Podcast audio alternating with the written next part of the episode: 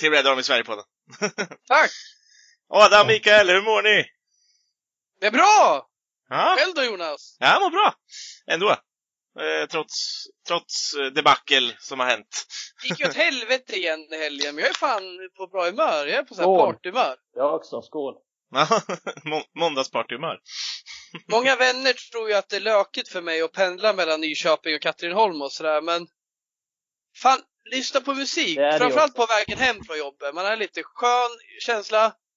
Så en jävla partykänsla fick när jag kom hem nu.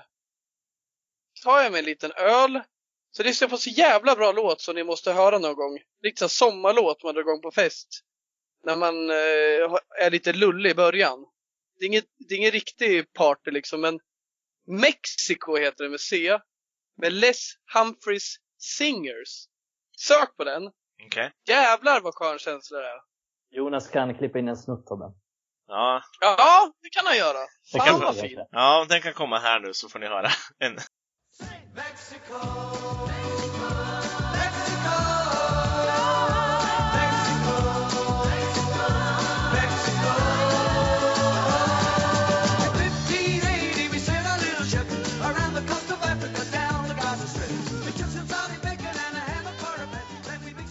Och när jag satt där och dansade nästan i bilen hem så funderade jag, hur fan kan man vara glad efter så jävla pissmatch vi gjorde igår? Ja, en bra fråga. Fan vad dåligt det kändes. Man, man börjar ju vänja sig, som på tal om en låt av Kjell Hägglund. Man vänjer sig. Man vänder sig.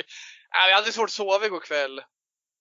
Jag var så här, jag släcker mobilen, sätter på klockan för ringning dagen efter. Men sen gick, går jag in och skriver i vår grupp liksom, vad fan vad skit det här är. Vad hände egentligen, Jonas, igår? Eh, tomhet hände. Nej, alltså jag vet inte. Men vi, vi, vi ska väl snacka Arsenal så att eh, vi, vi... Det som hände, vad hände? Vi, vi gjorde ingenting egentligen. Manchester United gjorde nästan ingenting.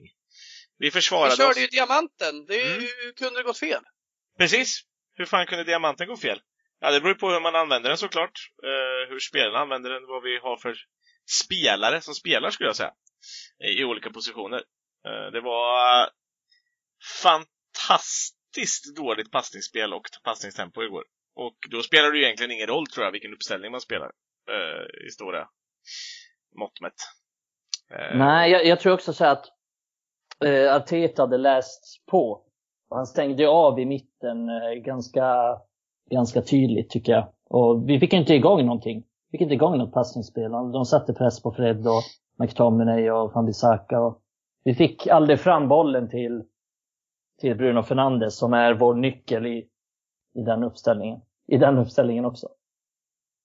Så det var, det var lite det som hände tycker jag. Ja, och det, det är absolut en, en grej som hände. Och nu kommer jag på ett mycket, mycket bättre svar på när du ställde den frågan Adam. Jag skulle sagt att det var vår sämsta start eh, hemma sedan säsongen 72-73 som hände igår. Eh, så var det. och Ja, eh, då var inte United bra kan jag säga. nej, slutade 18 plats i ligan. Åkte ur säsongen efter va, tror jag. Eller något sånt. Jag vet inte hur det var.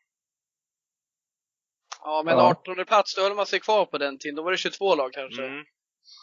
Det var en sån där. Men i alla fall. Eh, men men- jag känner så här att jag tror, jag vet i fan, allvarligt talat, om vi hade gjort så mycket bättre från oss med en 4-2-3-1 i den här matchen. För de hade fortfarande tajtat till eh, centralt och vi hade fortfarande haft problem i uppspelsfasen för ja, jag tycker att när bollen kommer ut till våra ytterbackar då är vi inte tillräckligt eh, skickliga.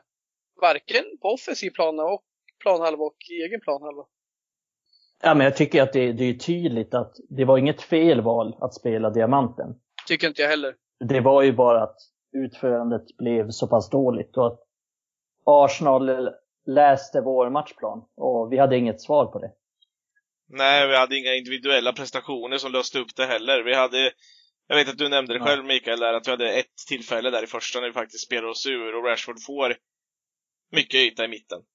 Lite liknande den ytan Pogba fick mot Leipzig, kan man nästan dra det till. Mm. Och gå i. Och sen slår han en väldigt bra passning till Greenwood. Eh, Pogba slog en bra passning till Greenwood, enda skillnaden är att det inte blir mål den här gången. Mm. Eh, Nej, vi, vi, fick det- ju aldrig, vi fick aldrig igång det spelet. De stod ju bara felvända hela tiden. Rashford och, och Greenwood och ingen av dem är särskilt bra i den rollen. Så på så sätt saknar vi väl Martial i bollmottagningarna. Men det var väl ehm, det var det som var felet, att vi inte kunde involvera Bruno Fernandes tillräckligt mycket. Och jag såg att han- hade typ lik, jag tror att han är två passningar fler än vad Leno hade i Arsenal, målvakten i Arsenal, på hela matchen. Då kan man väl. Förstå att ja, om vi inte får in vår bästa spelare i, i spelet, vår viktigaste spelare, vår nummer 10, eftersom vår nummer 10 är så viktig för Ole Gunnar Solskjaer. Då förstår man att det kommer inte bli någonting av det. Nej, och man kan ju fundera liksom, ja men den här formationen funkar ju jävligt bra mot, eh, mot Leipzig och eh, vi hade i princip samma material i mångt och mycket. Det var ju material, Martial som saknades då. Eh, van de Beek startade istället för Bruno då. Men att jag känner väl att så här, vi körde ett rakare spel. Eh, det var inte lika viktigt för van Bissaka och Shaw att eh, spela upp bollen för vi blev mer rakare, vi blev mer enklare och slog faktiskt en del bollar i djupet. Och det gjorde vi inte alls mot Arsenal. Och det är en sån här sak som jag kan känna, nej 4-1-2-1-2 var inte dumt, men det kanske, som jag tror i alla fall, det är min bild, är att spelar vi en fembackslinje så blir det rent mentalt så att vi slår längre bollar när det passar. Och det tycker jag faktiskt man ska göra ganska ofta med Greenwood och Rashford på topp. Mm. Och tvärtom, har vi inte Rashford på topp, då kanske inte är lika viktigt, men vi använder ju inte hans styrkor alls i den här matchen. Nej, vi måste spela på deras styrkor. Om vi har två Ja. anfallare som Rashford och Greenwood, då måste vi spela på deras styrkor. Nu spelade vi bara på deras svagheter, att de ska ta emot bollen och Arsenal spelar punktmarkerar i princip dem. Mm. Oftast två, tre runt Rashford när fick bollen, ofta foulad. Även om Mike Dean, den jävla sopan, sällan gav frispark för det. Och sällan gult kort heller. Så det var, jag förstod inte riktigt vad, vad tanken var. Det, det blev aldrig någon ändring på det. Solskjaer hade aldrig något svar på Artetas taktik. Och jag tycker jag var så jävla tama och Arsenal kontrollera hela matchen tyckte jag. jag kan tycka så här, jag, jag, min bild är att i en sån här match så får Shaw och Fambisaka instruktioner att ni ska inte slå längre bollar. För han litar inte på deras längre bollar. De är inte tillräckligt bra när de slår dem längs kanten med lite båge.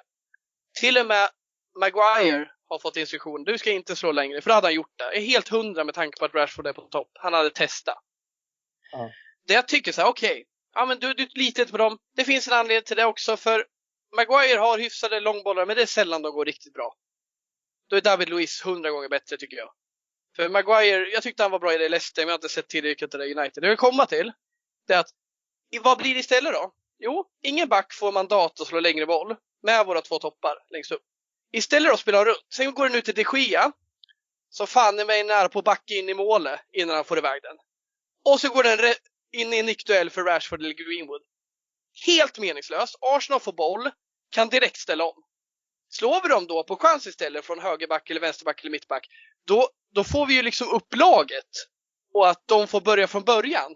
Nu blir det istället att Gabriel nickar in den och Partey miss, eh, tar tag i bollen och slår den snart till kanten till William, eller William heter han, eller Aubameyang. Det finns mycket tid att vinna och vi kan trycka upp, vi kan pressa och Fred kan upp och pressa. Men istället nu, nej men då ska Fred trilla med bollen i eget straffområde. Vi blir ju, om vi inte vill det, men vi blir ett bolltrillande lag. Och vi är sämst på det. Jag tänker komma in på det sen, men jag vill inte ha Fred mot Everton. För jag tycker inte han är bra mot Everton. Men jag älskar honom mot PSG. Jag ska gå in på det sen. Men idag, när vi blir ett bollförande lag, så är Fred oduglig. Mm. Ett, han går inte på instinkt. Han får nästan bara hålla boll. Två, han är ingen fantastisk bollmottagare, det tar för lång tid, vilket innebär ett lågt bolltempo. Tre, passningsackuratessen under all kritik. För många felpassningar. Jag älskar Fred i rätt match. Och det har jag pratat om 5000 gånger i den här podden.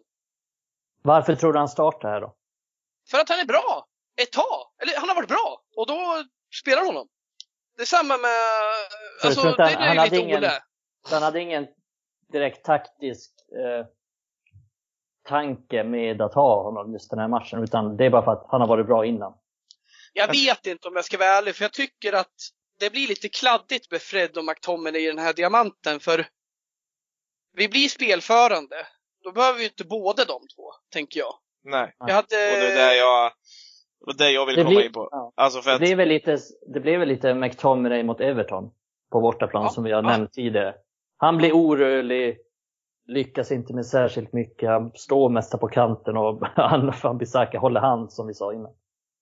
Gör inte bort sig, men skapar ingen särskild nytta. Han Nej. jobbar i defensiven, slarvar inte så mycket, men det händer fan ingen kärlek offensivt liksom. och det där tyckte jag, precis det du sa nu, det var inte jättemånga, det var ingen som slarvade asmycket. Ja, men det såg ut som att Bruno slarvade rätt mycket, han slog bort en del passningar. Fred slog bort en passning i början när han vågade slå en liten passning som hade varit lite farligare. Han försökte nå Pogba med en passning som hade gett Pogba lite yta. Han misslyckades med den, ganska fatalt för passningen var otroligt dåligt utförd.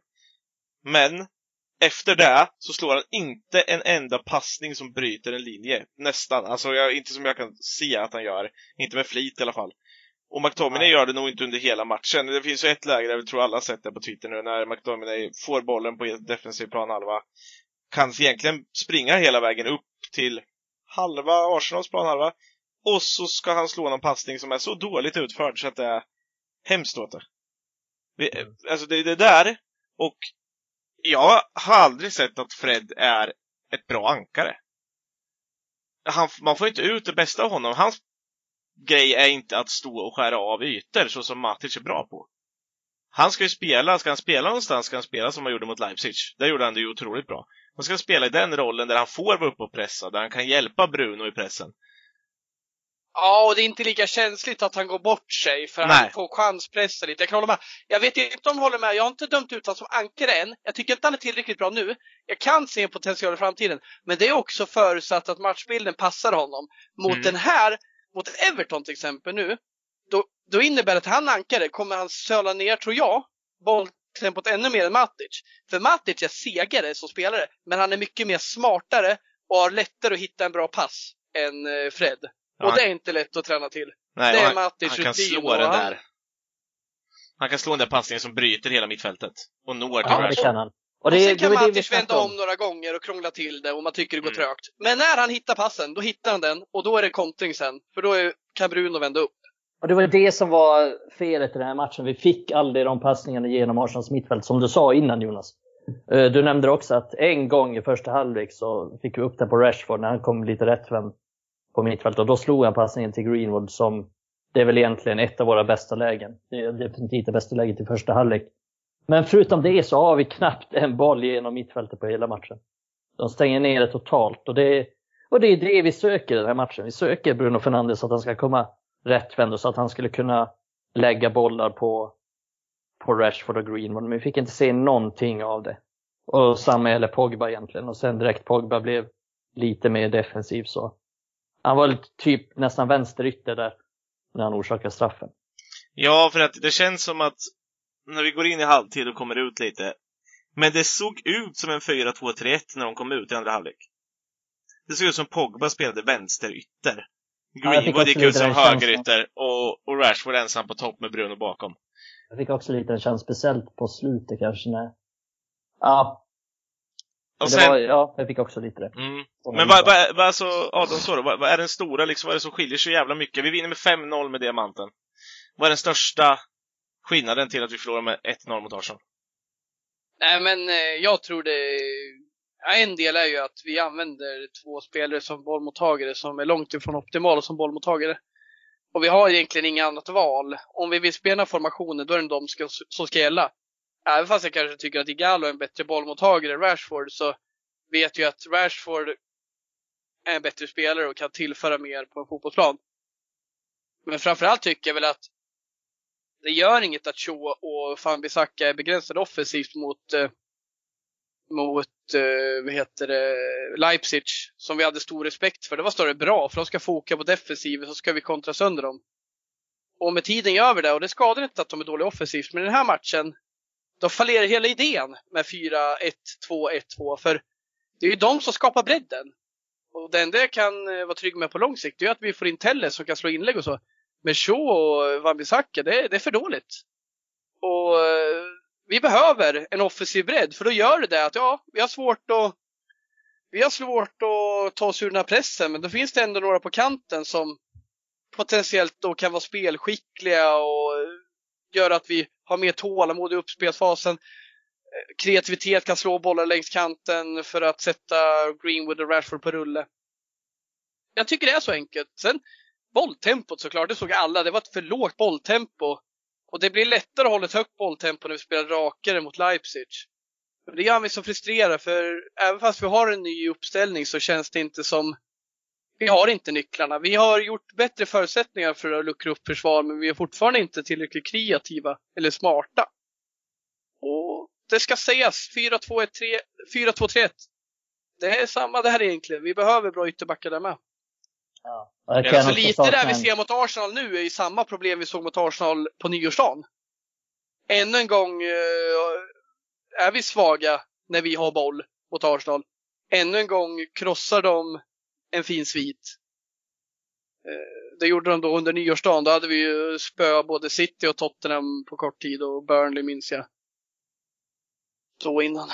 Mäkta, mäktiga City, Tottenham och Burnley. Ja.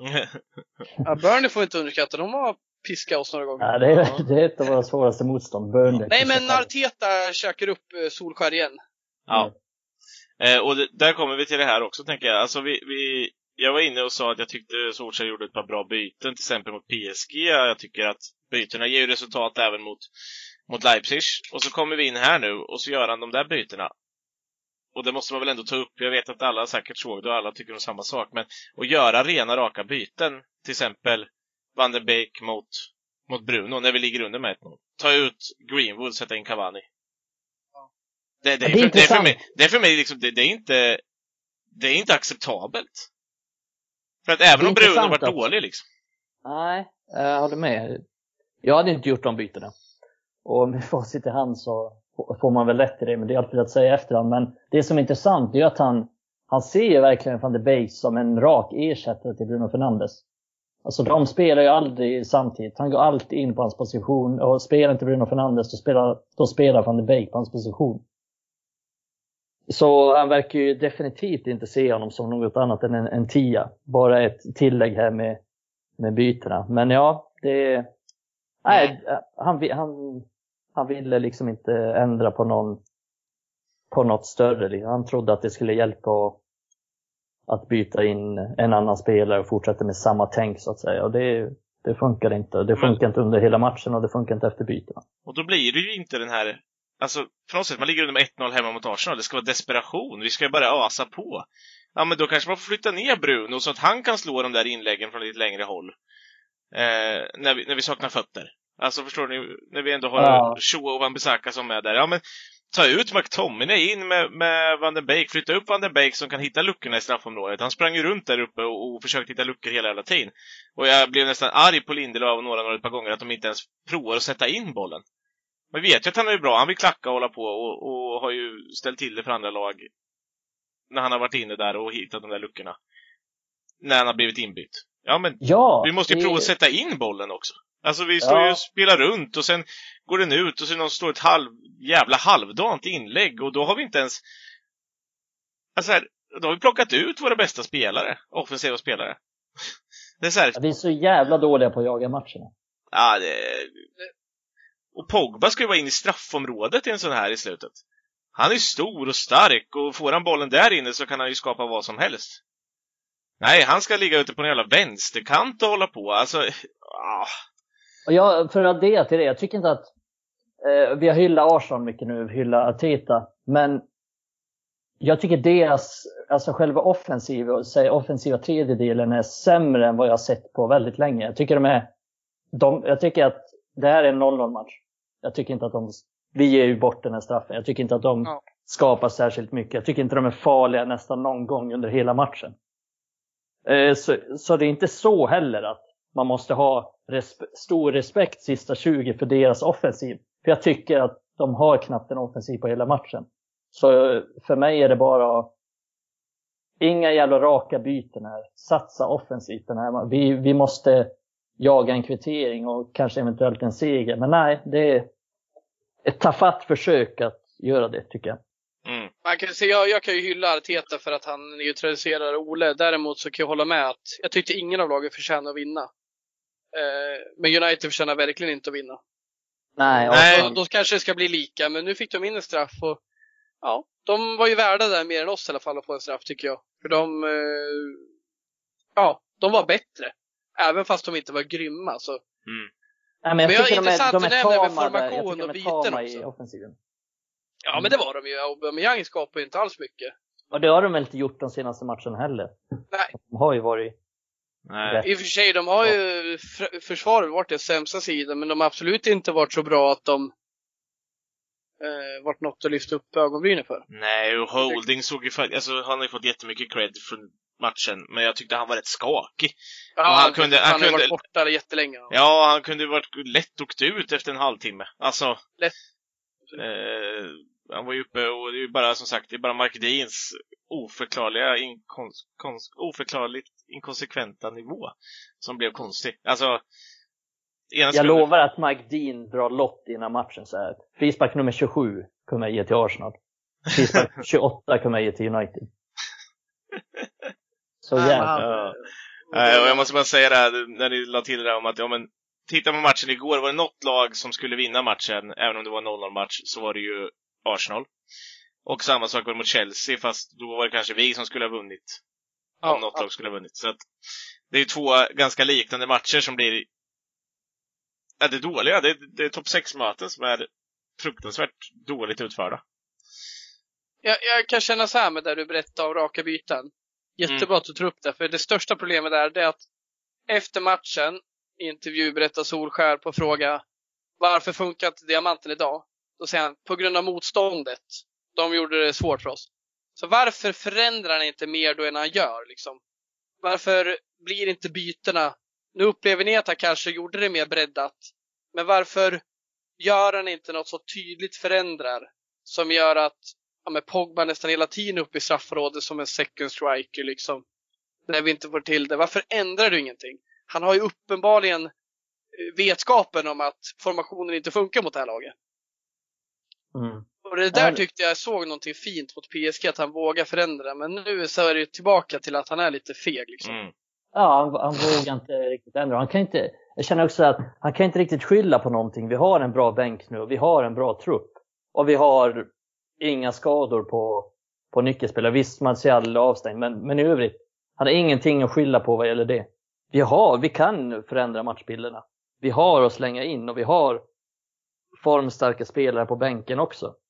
Och vi har Cavani till exempel som förvisso ser lite rostig ut men som är en potentiell matchvinnare.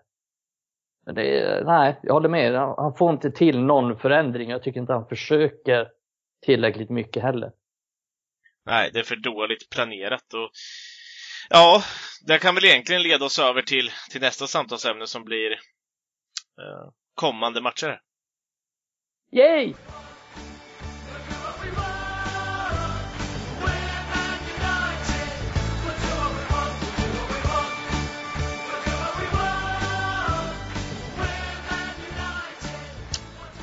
Och eh, kommande matcher Eh, är ju som sagt den här veckan eh, Champions League igen. Tredje veckan i rad där vi spelar dubbelmatch då, för vi har också Everton sen i, i helgen. Eh, och eh, Istanbul Basaksehir är som står för motstånd till Champions League då på onsdag, men vi har valt att eh, fokusera lite mer på Everton, så det är väl där vi, vi börjar att prata om egentligen. Och, och ja, Adam, vad, vad har vi att säga om, om de blåa från Merseyside? Ja, men tappade ju senast mot Newcastle. Det var ju igår. Men överlag har de inlett bra och det känns som tränare Ancelotti som jag tänkte först när jag kom, det kändes lite för bra för att sant att han ska komma till Everton, att det här blir en flopp. Men det känns som han, han har fått jobba med det här gänget och en del yngre förmågor har han fått varit med och utveckla och även en del etablerade som han fått fart på. Så det har ju gått bra. Alltså, längst fram, som många vet, har det gått bra för Dominic eh, eh, Calvert-Lewin heter han. Eller hur? Han har ju varit jävligt vass. Vad sa du? Calvin Lewin. Calvin Lewin. Ka- påläggskalven. Nej men Calvert Lewin. Och sen, Han är som en jävla eh, kalv på grönbete när han Ja, kommer bollar. och sen längst bak är det de tre vännerna och Jerry, Mina. Och det har ju varit lite olika gubbar där som har florerat i backlinjen just för att de har haft en del skador. Det gäller ju inte bara backlinjen, det är även offensivt där. Eh, Richarlison har ju varit avstängd. Eh, James Rodriguez har ju typ gjort illa pungen. Så han, han har ju missat på sistone så det vi har sett dem inledningsvis har varit pikt men sen har skadorna tagit ut sig rätt så de har haft lite tufft på sista veckorna. Och Ja, de, är, de är ju rätt dåliga när de måste byta lite. Då ser vi ju Everton från förra säsongen, då har de inte Mm. så mycket kvalitet. Då är det ganska Nej, jag- trött. Då är det Gylfe Sigurdsson som kommer in och jävligt Exakt. trött. Men de, jag tycker de, de har haft en bredd hela tiden, men det har inte varit så kvalitativ bredd. Nu har han fått värva in ett gäng spelare som James Rodriguez, Ducorea, Allan, eh, Ben Godfrey. Det är liksom bra spelare som klarar av Premier League och då, då är det lättare när man har skador. Men ja, nu när de får skador på flera nyförvärv, då är de ju tillbaka lite på ruta ett från förra året och till exempel fick starta Delphi i helgen och så vidare. Men de har riktigt bra första elva. Ja, det har de, när de alla är pigga och så. Men Richarlison kommer missa mot oss för då är han fortfarande skadad. Så jag tänker inte gå in på detalj vilka som missar skadade, men det jag vet är att Godfrey, Dign, Coleman och Holgate missade sist. Mm. Och det inga dussinlirare liksom, så det, det finns lite... Eh, det är ju positivt för oss. Men vi får se vad som är tillbaka. Men det jag känner som funkar bäst i år, det är ju att eh, de har stabiliserat centralt i Everton. Ett lag som vill spela rakt, men även vill kunna liksom eh, ha stabilitet centralt, där de inte haft förut med typ eh, Tom Davis och Fabian Delft. Det har liksom inte hållit tillsammans. Men nu med Dokore skulle jag säga en spelare som ger trygghet åt såväl backar som anfall. När en spelare som Guay drog för något år sedan eller två till PSG. En jättebra spelare som, det blev ett jättetråkigt utfall för Everton. Det är klart de säljer honom när de får bra pengar för honom, men det var en jävla tuff förlust alltså. Idrissa Guay har ju varit skitbra. Inte i PSG, men för Everton var han jävligt viktigt. Det är ett starkt lag, men ja, jag är inte jättepositiv inför Everton. Men eh, förutsättningarna ser mer positivt ut än det gjorde för till exempel Liverpool när de mötte dem. Mm. Och hur ställer vi upp då? Hur tar vi oss an? Ja, jag Ja, sa ju förut att jag tror ju inte på Fred i den här matchen. Vad, vad använder vi för uppställning först och främst? Är det diamant fortfarande? Är det fem backar? Är det... Vad gör vi? 4-2-3-1, den har funkat så jävla bra. ja, alltså allt utom den kan vi vända tillbaka till. Men du får välja allt utom 4-2-3-1 då, Mikael. ja, nu sätter du mig på pottkanterna. Nej, jag Eller tror du att det- fortsätter, det- väl- fortsätter väl med diamanten tycker jag, för att i den här nuvarande uppställningen så, så är det den bästa jag kan tänka mig som passar de flesta. Men sen så kan jag väl hålla med om att Fred kanske inte är optimal för den. Då vill jag väl kanske in Matic istället. Och fortsätta spela McTominay till höger då, eller? Nej, faktiskt kanske att jag har Fred där istället. Men inte Fred som ankare och inte McTominay på samma plan samtidigt. det, vill, det vill jag ogärna se. Jag vill inte riktigt se McTominay på den positionen. Han hade ju den mot Everton förra året. Och det Ja. funkade ju inte alls. Så att kanske att jag har Matic som ankare och Fred där till höger istället. Ja, Men samtidigt, Pogba, fan jag tycker han var så jävla värdelös och lite trött på honom nu. Ja, jag, jag, Men- hade, jag hade lätt kunnat se diamanten och fått in Van de Beek antingen på Pogba eller McTominays position. Och spelat Fred bredvid där. Just för att jag ser att Fred fortfarande kan vara nytta när han får spela så och har Matic bakom sig. Ja, det håller jag med om. För då kan han vinna lägen åt oss. Eller, Alltså, tittar man på matchen mot Leipzig då, om man tar en, en, en liknelse dit, är att där vinner han ju, hans bollvinster skapar mål. Och det gör de nästan i början av Arsenal också, för där är han väldigt nära att ge United ett par bra lägen genom bollvinster. När vi kommer lite högre upp innan han halkar ner och ligger i knät på Maguire. Så där ser jag fortfarande hans vinst. Adam kanske inte håller med dock. Nej men alltså, min, jag är så jävla trött på typ den här uppställningen vi hade mot Arsenal. Jag tycker det är för defensiv. Uh, och jag hade ju köpt dem om Solskjaer visste att uh, de kommer ha jättemycket boll. Då vill han ha McTominay, Fred och så vidare. Han vill ha defensivt. Men jag köper ju inte hans uppställning där. Men jag skulle vilja testa något riktigt offensivt den här matchen. Kör vi ett ankare. Vi kör fyra, vi kör en diamant. Jag kan tänka mig Matti som ankare. Sen Pogba till vänster, Bruno som tia och sen kan jag vilja ha in van de Beek. Som kan jobba upp och ner i planen. Och det är inte lika känsligt om han pressar bort sig med Matic bakom. För jag känner det att Ja, det kanske låter obalanserat, men jag tycker det är på tok för defensivt med Fred, med hans bolltempo i en match där det inte krävs hans kvalitet riktigt. Och sen har vi Matic bakom. Lite uh, problematiskt ändå att vi sitter efter två år med Solskär och snackar om vilken uppställning ska han ha i den här matchen, vilken uppställning ska han ha i den. Att ja. han inte har hittat någon slags trygghet än i det. Nej. Nej, och det handlar ju om att han har inte trygghet med att bräcka lag som backar hem. Då kommer det bli så här och frågan är liksom, är Rashford ens rätt för den här matchen? Kanske inte, men jag kan inte peta honom. Han är för viktig för mig mm. Eh, i sådant lag, en matchvinnare. Däremot kommer kanske inte hans kvalitet komma fram. Men jag känner att har vi en Martial från start och han kan han kan hålla bort en försvarare, slår den i sidledes till Bruno som slår den i djupet på en djupledsgående Rashford så ja, det är klart det kan hända grejer. Men, men den där bollen kommer ju aldrig till Bruno med Greenwood och Rashford som bollmottagare.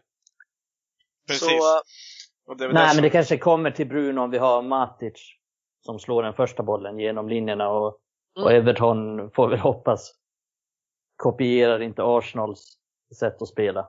Det kommer de ju inte göra. Men kopiera deras tankesätt att stänga av centralt.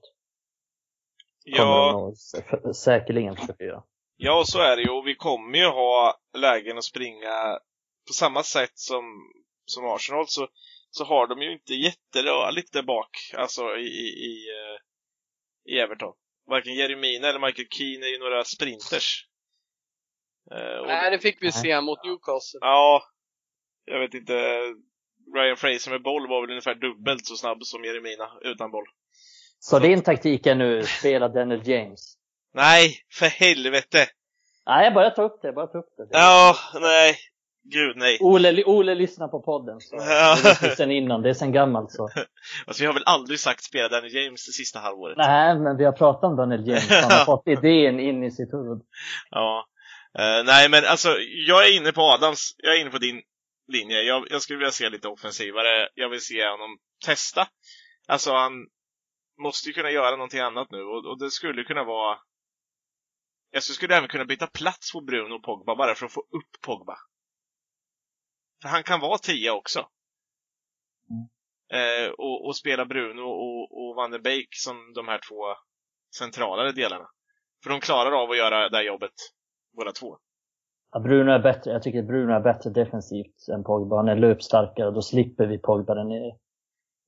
Vad är det typ hans... Ja, men vad är det? Tredje straffen han orsakar Pogba under ja. Tid, mm. tror jag. Och det är ingen annan det... som orsakar två. Så att... Eh, Nej, precis. Det är katastrof. Och då har ändå Harry Maguire och Victor Lindelöf spelat större delen av alla matcher. Men han skulle aldrig ända. Vi, vi har snackat om det tidigare. Nummer 10, det är det viktigaste i mm. Oles lagbygge. Det spelar ingen roll. Vi hade ingen nummer 10 innan Bruno. Spelar ingen roll. Han hade Pereira där, bara han hade en nummer 10. Det var det viktigaste för honom. Mm. Och det kommer, han kommer inte släppa det. Han har Bruno som 10. Han kommer spela Bruno som 10, inte Bruno tillgänglig som 10. Då kommer han spela van de Beek. Han kommer inte spela Pogba där. Tyvärr, men jag, jag håller med dig Jonas att jag hade kunnat tänka mig att se Pogba där faktiskt. Men vilken match var det han gjorde där? När han satte ut Bruno till höger och spelade Pogba kvar som 10? Vilken var det? Var, var det mot Chelsea?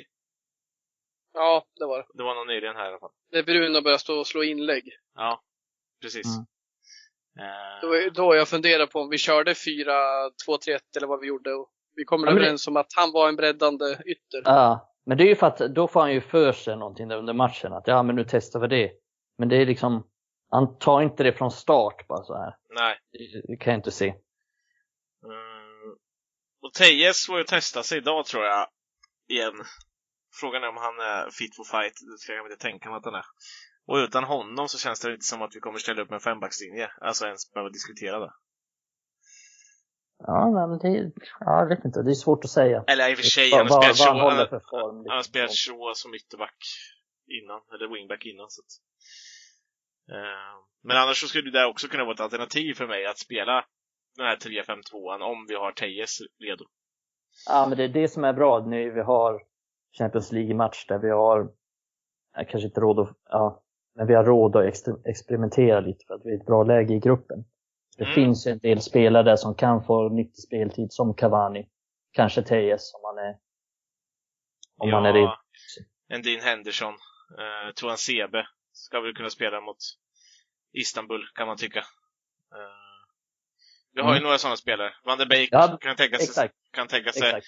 Det borde få nästan vara lite svar mot Istanbul kan jag tycka. Startar inte Van der Beek mot Istanbul så, så borde han starta mot Everton. Jag tror få som startar mot Istanbul kommer starta mot Everton, för det är jävligt tajt mellan matcherna. Det är ändå onsdag. Onsdag bortamatch i Champions League och sen är det tidig match på lördag Ja. mot Everton, dessutom på borta, bortaplan. Och, och, och det bra som Ja, Solskjaer har just nu kan väl tycka är att tittar man bara på anfallet, då kan skulle han kunna starta med Cavani Greenwood på Ja. onsdagen och Martial Rashford på på lördagen. Och om man skulle behöva så har han ju då rätt bra bänk att laborera med på onsdagen också. Mm, det har han verkligen. Så han har ju alla förutsättningar. Alltså du, du, du säger ju det Mikael. Han har ju förutsättningarna nu. Att kunna laborera, att kunna spela rätt spelare mot rätt motstånd. Mm. På de flesta positionerna. Det är klart att det kan Ja, bli kunna starkare. förändra, han kan förändra mycket. Ja, han kan sätta en, en tränare på pottkanten. Ja, men jag tror inte det var någon av oss som hade sagt jättemycket om man hade ställt upp. Om man hade haft Tejes redo mot Arsenal och ställt upp den här 3-5-2an eller 5-3-2an om man nu säger. Det är inte Nej, jättemånga det- som hade sagt så jättemycket då. Ah, Okej, han testar den. För att kanske röra om i huvudet på Arteta. Men det känns som att Ola är lite så här, ja, men jag fastnar vid en och så, så kör jag den. För den här funkar. Och sen, Ja, och är Fred bra, ja, då kommer han inte peta honom förrän han är dålig. nej. För han insåg, fast matchbilden aldrig passade honom. Lite så känner jag med honom överlag. Jag, jag, jag kan tycka att han spelar spelare mest för dagsformen, inte för att de passar i matchen eller så. Det var det som Ferguson var så jävla bra på. Att han kunde ju spela, eller typ såhär, Michael Carrick kunde vara bäst på plan i en eh, Champions League-match. Sen helt plötsligt så blir han bänkad mot typ Chelsea till helgen. Och man bara sitter, vad i helvete håller han på med? Bara slänger han in typ Darren Gibson och Darren Gibson gör hattrick. Men Ole har inte riktigt den fingertoppskänslan och det kan man inte förvänta sig. Det är ju ingen tränare i hela världen som har den, kommer någonsin ha den. Men på det sättet har han verkligen inte kopierat Ferguson. Nej, men Nej, det, och han har inte ens en eh, bra, han har inte ens en godkänd nivå där tycker jag. Nej. Jag tycker att ofta mot större match, alltså vi vet ju att han är bra i stora matcher, han har ett bra spelupplägg. Eh, När det förändras i matcher kanske han är bristfällig. Dock bra mot PSG. Men just det där att välja rätt spelare för rätt match, det tycker jag han bevisar mot Arsenal att det, det blev inte jättebra. Och jag var inte ledsen att Fred startade, men typ som nu mot Everton tycker jag han kan lära sig av, okej, vi behöver förbättra vårt bolltempo. Då behöver vi spelare som kör one-touch, som rör sig mycket och som är trygga i sitt passningsspel. Vi nämner ju Matic här. Man får tycka vad man vill om Matic. Men Matic kan slå 10 meter, eh, 15 meters passningar mellan två motståndarspelare. Han är trygg med det, men han gör det inte förrän han är säker.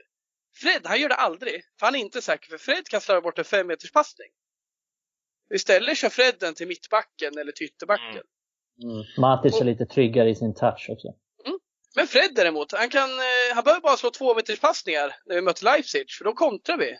Han vinner bollen, slår vidare åt sidan och så springer vi. Det är olika spelare för olika matchbilder och därför menar jag. Jag skulle kunna peta Rashford mot Everton med tanke på det material vi har. Sen älskar jag Rashford, vi spelar han hela tiden och jag älskar varje gång han startar. Men det är inte nödvändigtvis han som är det viktigaste mot Everton. Då kan jag starta Greenwood och Martial. Inget problem. Men jag vill starta Rashford. För jag tycker han håller en extremt hög nivå, är bra. Men hans bästa kvaliteter kommer inte komma ut. Framförallt inte sån här formation. När han kanske inte ens får gå djup alls. Och det ska ju sägas, kör vi en diamant med två anfallare. Då kommer han inte komma ut så mycket på kanten där han är duktig. När Michael Keane backar hem. Och står i Nej. knät på eh, Prickford. ja, men det är det som är lite själva grejen. Att, Sa du Prickford? ja. Nej, skulle jag aldrig säga. Det vore ju för jävligt. Ja, men det är väl det som är lite själva grejen. Om man jämför med typ Leipzig så här när, när vi spelar med två anfallare. Ja. Då, då, när han spelar med Martial, då turas ju han och Martial om att komma ut på kanten och den andra stannar kvar där inne. Lite hela tiden. Där båda två egentligen trivs ganska bra att vara. Ja. Att, alltså här, och, och kan han då spela med Martial, då har han också någon han kan lita på. Men Martial fångar bollen. Jag tror inte, och det såg ju inte så ut, varken Greenwood eller Rashford hade något speciellt bra samarbete med varandra heller. För de sprang lite båda två samtidigt. Det var ingen som någonsin gick bakom den andra. Eh, det, det var liksom inte heller, det klickade inte riktigt. Det klickade ju inte för nå, någonstans i laget. Men jag såg heller inte det här samarbetet som jag kan tycka mig se Rashford och Martial ha. Eh, många gånger. Och så är det lite alltid tycker jag när, när de spelar, även när vi har spelat 4-2-3-1. Att det är lite Rashford, Martial och så är Greenwood lite utanför och gör sina egna grejer. Eh, och Det, där, det är en bra analys, det stämmer. det måste vi kunna linka upp bättre. Och jag säger inte Ja. att det är Greenwoods fel, och det behöver inte vara Rashfords fel, men där måste man ju in och, och göra någonting. Men de har inte lärt känna honom än. De vill knappt Nej. spela med honom. Alltså, det tar ju ett tag innan man kommer ihop med varandra och Greenwood spelar ju för lite än så länge. Och absolut, han har varit till höger mycket under sommaren. Men det här är så här tvåmannaanfall. Det krävs lite och jag håller med dig. Rashford och Martial överlag har hittat varandra och ser en idé med att hjälpa varandra. Och det kände jag inte för två år sedan. Då tyckte de var rivaler. Jag tyckte att det var viktigast att leverera själv. Men så Rashford har insett att om jag använder Martial då kommer jag utvecklas som assistspelare. Och Martial inser att om jag funkar med Rashford så kommer jag få spela mer. Vilket han har.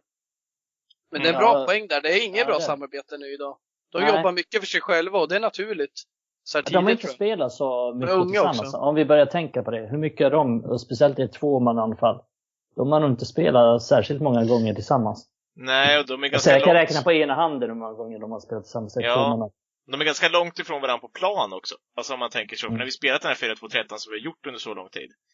Det är inte ofta Rashford och Greenwood är så pass nära varandra som de länkar med varandra. Nej, precis. Men det är fan, jag har ofta den känslan när jag ser United. Att ibland tänker jag, fan har de här spe, tränar de här spelarna ens tillsammans? Ja, precis. Det är lite så. Ibland är det bara, fan, de har ingen synk mellan varandra. Vi kommer tillbaka till det här med individuella prestationer som räddar oss i matcher. Eh, väldigt ofta. Att vi har en taskig match men sen blir det en bra boll i djupet till Rashford som lägger in den.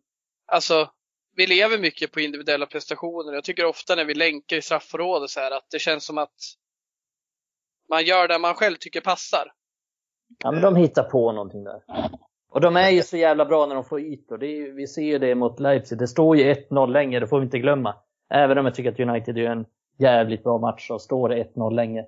Och det är först när Rashford och Bruno kommer in och när de får ytor som det blir mål. Eh, och jag sagt det förut, säger det igen. Det finns inte många spelare i denna värld som är bättre än Rashford i de typen av lägen. När lag trycker upp och han får ytor bakom och löpa. Då är han fruktansvärt bra. Ja, det är han ju. Och sen, Håller med. och, men där är ju också det där. Jag, jag tittade bara på en sak om man ska dra en reflektion till och få in Andreas Pereira i vårt snack någon gång.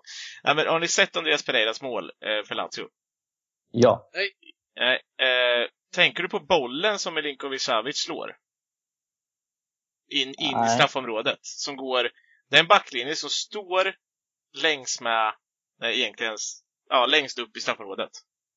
Och så en spelare som löper in bakom den. Och det blir en bra boll in bakom. Hur många gånger någonsin slår United de där bollarna? Med en spelare som sticker in bakom. Vi har spelare som sticker från då till då. Men varför ska de springa när bollen aldrig kommer? Det är lite det där Mm. också, precis det vi pratade om som hände mot Arsenal. Vi slår ju aldrig den där bollen, och varför ska de springa när bollen inte kommer? Och det handlar ju inte om att vi inte har förmågan. Det är ju någonting med instruktioner liksom. Ja, Mm. Det är lite riskminimerande och sådär och mm, för jag kan bli lite arg, för att tittar vi på Arsenal, hur många gånger står inte de och sopar den från höger mittback ut till vänster ytter och sätter den på läppen varenda gång? Eller vänster ytterback som har klivit upp. Nej, sen- de var tryggare i sitt passningsspel och sen eh, in- än vad United var. Och sen kör man en lyftboll ut igen. Och på så sätt sätter man United spel i gungning. Det är ju så de till slut sen får målet lite också. De har gungat, de har slagit de där bollarna. Eh, och sen kommer en in- inverterad löpning från Beijerin och en klumpig Pogba. Ja. Sen så gör de det ju inte jättesnabbt och de är lite för dåliga på det. Men jag tycker alla lag, det gjorde även Leipzig. Upamecano är ju betydligt mycket tryggare där och slog de där bollarna och hotade. Sen lyckas de inte konvertera där för att United var tillräckligt bra defensivt. Men de var där uppe och hotade och någon gång var det lite småfarligt och det var egentligen ett huvud från Maguire eller en liten touch från Fred och så här som var i vägen. Men det räcker ju med det där när det står 0-0 att det är en, en liten touch som går åt rätt håll så är det 1-0 istället. Om man hela tiden är där uppe. Och det är där jag tycker jag saknar United ibland. Det är inte, det finns ingen trygghet och frågan är om, som du säger Adam, om det är instruktionerna som gör att, ja men, nej men vi ska ha bollen längs backen. Ingen annan. Absolut känner det och jag tycker att det vänder. Det är liksom inte dag till dag. Det är liksom perioder. Jag tycker förra hösten var vi mycket rakare i många toppmatcher och jag tycker att jag såg ytterspringare eh, få mer bollar från AVB och så. Det var mycket mer att Maguire som inte har lyckats slog längre bollar diagonalt. Eh, det är en del grejer som har förändrats. Eh, vissa är bra och vissa är dåliga och det är inte många bra förändringar som har skett mot lag som backar hem. Eh, Mm. Det är det inte. Och, ja, nej men jag kan känna så här liksom också någonstans vad jag ska gå in på formation att ja, diamant, den är ju bra och det, det, det tror jag kan funka mot Everton om vi får upp ett bättre bolltempo. Men ser fortfarande jävla bekymmer med att vi har ytterbackarna vi har. Vi kanske inte ska räkna med Telles. Om, vi, om inte han är med, då är vi svaga på kanterna. Men någonstans känner jag, vad fan, vi kan väl våga gå tillbaka till när vi hade ett ankare och två framför med yttrar och en anfallare som vi hade i början på Solskärs sejour. Den ger oss både kompetens centralt eh, och eh, yttrar. Så vi liksom inte är lika beroende av våra ytterbackar. Rashford kan hota mot ett lag som Everton, även fast eh, de backar hem, för han kommer på kanten, kan kombinera med Shaw. Nu är inte det fantastiskt, hans kombination med Shaw, men han har gjort Shaw bättre och han har gjort Martial bättre från sin kant. Jag, jag vill bara komma till, ska vi spela Rashford så vill jag nästan ha han på en kant. Men jag vill inte spela 4-2-3-1, men 4-1-2-3. Som vi gjorde med Herrera, Matic och Pogba för länge sedan. Jag, jag tycker liksom inte vi behöver snöa fast vid diamanten. Dock, jag vill gärna se diamanten och se vad det kan bli. Jag har tjatat om det länge. Men det är typ en sån här match, det, jag tror fan inte att Rashford kommer skapa så mycket magi som man kan göra mot andra lag. Det tror jag inte.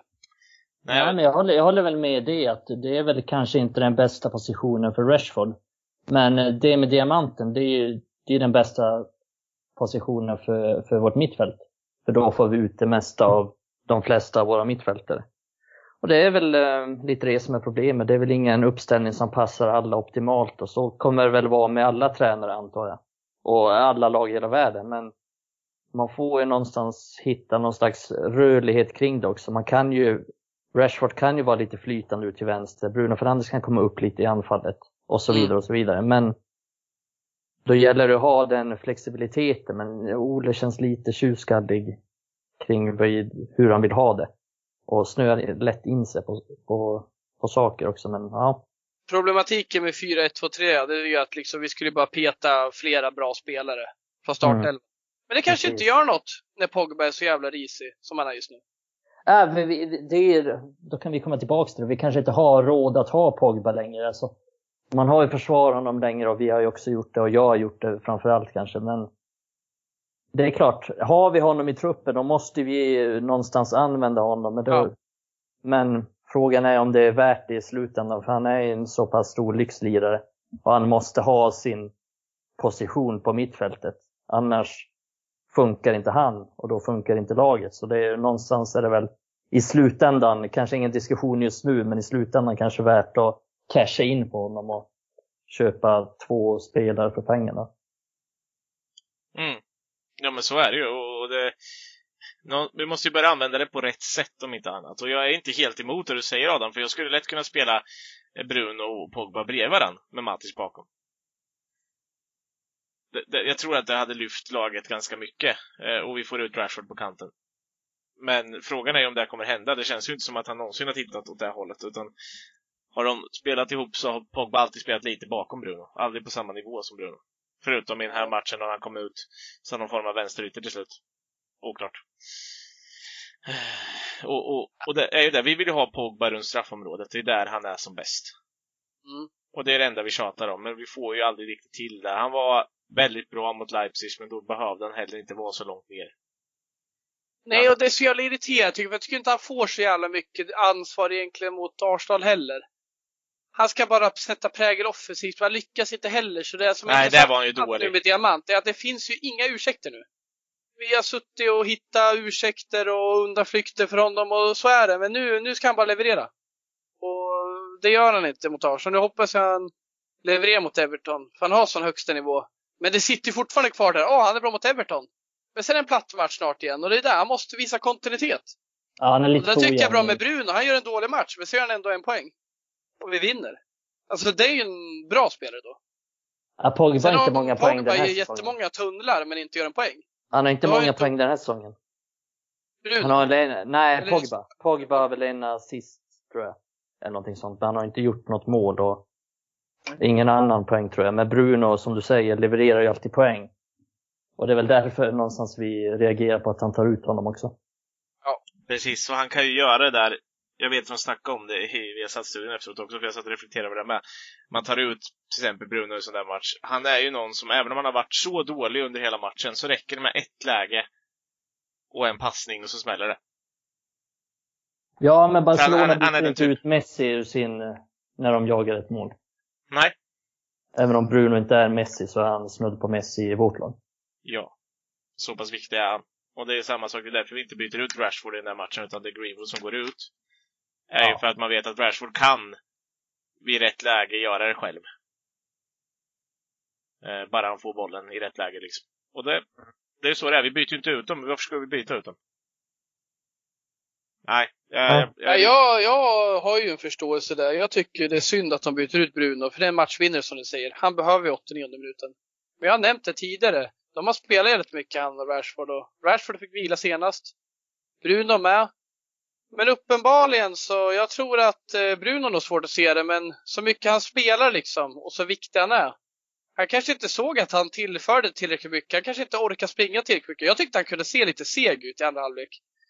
Men ja, han var ju inte bra. överlag, alltså, det var inte det. är Han var inte fegt, bra i matchen. eh, Eller så här, det är så jävla trå- Det är inte fegt, men det är så jävla, Det är så synd för att man tar inte ut matchvinnare så, men han har fan haft ett tufft spelschema. Eh, Och det har jag nämnt tidigare. Det har gjort jävligt mycket matcher för honom. Och Solskär Ja. har nämnt att han behöver, han har en trupp nu, han har spelare som är hungriga, de kommer få speltid. Jag refererar till eh, van der Beeks situation. Men sen i sak, jag tycker ju att oavsett om man byter ut honom så ska jag inte göra ett rakt byte. Han ska ju förändra någonting, han ska göra skillnad. Men ja, mm. Mm. Och vi får väl se där då. Jag fick ju i alla fall se Van Beek från start mot uh, Leipzig i veckan, så jag är nöjd med det. Eh, det är du. ja. ja, jag är nöjd. Jag tyckte han gjorde det han kunde i den matchen. Vi, det är lite samma sak som uh, Mikael säger egentligen om Arsenal där, eh, att vi, vi har svårt att hitta förbi i första halvlek.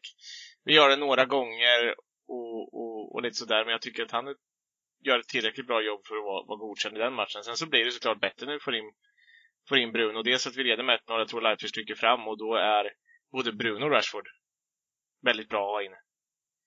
Eh, och då såg jag inget fel med det rakare bytet, även fast han faktiskt också då förändrar någonting när de kommer in. Lite halvt. Nej, och grejen är att vår matchplan funkar ju. Däremot fick vi inte full effekt av vår tia. Van de Beek gjorde ett bra jobb, men han var inte Mm. effektiv som tia. Men han var, gjorde mycket åt andra. Han var hjälpte Precis. städtanten där och han slev åt mattanten där. Däremot så var han ju inte där han skulle, så jag tycker ju att han var bra, men vi fick ut en riktig tia i den matchen. Och van de Beek är en riktig tia, men han visade inte det den matchen. Men det kommer han göra nästa gång.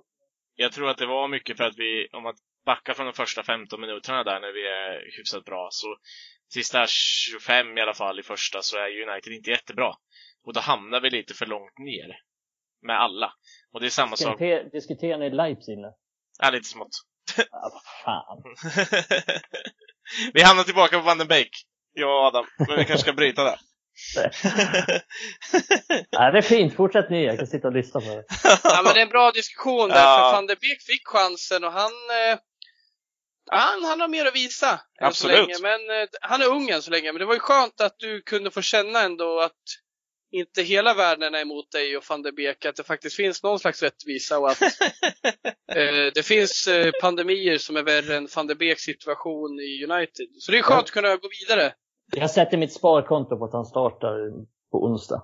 Ja, Det tror jag med. det tror jag med. Men då ska ju nästan alla reserver starta. Så att Jag hoppas på att få se Jag tror Williams gör sin första start. jag tror Brandon vill jag se, det är det enda jag vill se. Ja, jag tror... Sin första start. Han kanske har start, jag vet inte i ligacupen, men jag tror Ja, Williams eh, förtjänar en start. Ja, men jag tror Brandon eh, startar och jag tror Toran Sebe startar också. Jag tror att, ja, möjligtvis att det är Maguire då som, som spelar kvar. Jag tror även att Henderson startar och gör sin eh, eh, första CL-match. Ska jag kunna tippa på. Vi får ju räkna med de som vill spela. Maguire vill ju spela. Ja. Just det. ja, och, ja, herregud, fan sluta. Eh, och det där är ju, var egentligen det jag vill säga om Ole förut också, inför Everton och allting sådär. Det känns ju ibland som att, precis som när han startade James och Mata mot uh, Chelsea, men de här har gjort en bra match. Det är lite som de här tränarna jag har haft i division 5 och 6 liksom. Ja men vad fan, du gjorde det ju bra förra matchen. Ja men nu, då mötte vi ju de som ligger sist och som får stryk med 15-0 varje match. Ja, klart fan du gjorde det bra då. Sen nu möter vi de som inte har fått stryk en match i serien. Det är så det fungerar i de här lägre divisionerna i Sverige. Lite så är Ola också. Ja, men du gjorde det ju bra sist mot de här soporna. Eh, i, I Newcastle i det här fallet. Nu ska vi möta Chelsea, det är klart du får spela dem med. Alltså, ja, ni förstår vad jag menar. Det är lite så det känns ibland när vi pratar Ole Gunnar Solskjaer. Även om det här var ett överdrivet, eh, en överdriven jämförelse. Ja, men om vi ska avsluta podden då med att ni får säga vad ni tror om framförallt Everton-matchen då. Vad, vad slutar det? 1-1. Tror jag det slutar. Och i Istanbul tror jag att vi, vi vinner oavsett eh, vad vi ställer upp. Och det är inte för att jag underskattar dem, det är för att jag tror att jag tror att eh, vi får ihop ett bra lag eh, i en diamant oavsett som du nämnde. Jag tror vi får upp Greenwood och Cavani på topp. Jag tror vi får upp en balanserad mittfält med. Ja. Många ju, hungriga spelare som kommer in som Toan Sebe, Williams som ändå har spelat på hög nivå innan. mm. Är som vi sa innan, vi har ganska mycket bättre trupp nu så vi kommer kunna ha ganska mycket kvalitet i elvan oavsett. Ja, Nej, och men, vi kommer ja. kunna ta in tre ungdomar från U23 på bänken. Om det är så. Du tror inte det? Det tror jag. Nej, vi, kan, alltså, vi snackar ju om att vi inte ska låta folk åka till Turkiet när vi är i Everton, eller i Liverpool eh, på lördag. Liksom. Varför ska vi inte då Ja, sätta det, liksom... Han har inte gett någon ungdom chansen. Nej! Alltså vi kan det, så säger jag inte att han gör det, men Nej. en sån här som liksom. Galbraith är ju bättre att ta med på planen än typ Fred, om vi nu tänker starta Fred mot Everton. Ja, jag håller med. Men sen håller jag med dig, han har inte, det inte synts. Och han har ju haft med dem på bänken i Europa League, så har vi suttit kvar hela jävla matchen. Det Ja, sen är det ju skillnad den här säsongen upplever jag att han förra säsongen, då hade han inte så jävla mycket val att göra så mycket annat. Nej. Än att ha med dem en del, även om han ska ha cred för att han gav dem chansen. Men den här säsongen så behöver han inte ha med dem och den här säsongen hittills har han inte, han har inte gett någon chansen, alltså någon ny hittills så tror inte det kommer nu heller. Är det någon du tycker han borde ha gett chansen? Nja, alltså, i, nej. Alltså jo, jag tycker att han ska spela, alltså om vi spelar en ligacupmatch mot ett lag från, när vi möter liksom Luton Town, då tycker Ja. jag att han ska använda till en Mengi, till exempel. Men det har jag inte gjort. Den här säsongen. det är en spelare som, får han spela några League Cup-matcher, då är det inte så konstigt att ta ut honom i Premier League-match och han får hoppa in. För han har ju erfarenhet, men just nu, han har ju väldigt dålig erfarenhet, eller låg. Ja, han kan ju inte, han kan inte bara ta ut honom nu om det skulle bli en mittbackskris, vilket det har varit lite. Och Mm. kan fortfarande bli, för Bailly är alltid skadad. Och vi, Transebe vet vi är ofta skadad då. Så vi har inte så många mittbackar just nu, ironiskt nog. I och för sig, Marcus Rocha spelade med U23 så han är väl, går väl säkert före om det krisar. Men, vilket jag inte hoppas, men Mm. det skulle väl kunna. Nej, men men, back to Everton. Ja. Tippning. För nu har jag ett bra tips här. United vinner med 1-0. Mm. Så Punkt. 1-1-1-0, vad blir det? Ja. Och jag håller med er också. Jag tror att vi vinner mot Istanbul och våra reserver är tillräckligt bra. Men eh, Everton... fan, det känns som att det är lite för målglatt i Everton, så 2-1 United då. Calvert Lewin ja. i mål igen. Ja, den där matchen i Turkiet, den hade orkat inte ens titta. Nej. Bryr mig så jävla lite. Nej, men jag tycker inte man behöver säga så mycket, jag behöver inte säga något resultat. Jag tror att vi vinner mot Istanbul vilket fall som helst. Uh, är min... Spelar inte Rafael där förresten? Jo, han gick dit. Det var han som uh, de gjorde den jättesnygga videon för. När han uh, kom in med uh, sköld, Turtles bandet för ögonen som var alldeles för långt. De hade bara klippt av ett band ungefär och knutit det runt och klippt några jättefula hål i det där för ögonen. Ja. Men hörni, eh, dags att runda av för idag. Eh, tack så jättemycket för att ni vill vara med eh, och lyssna. Och tack Adam och Mikael. Eh, och glöm inte följa oss lite överallt. Eh, ni vet exakt vart ni lyssnar på Spotify och allt sånt. Tryck på gilla. Interagera med oss i kommentarerna.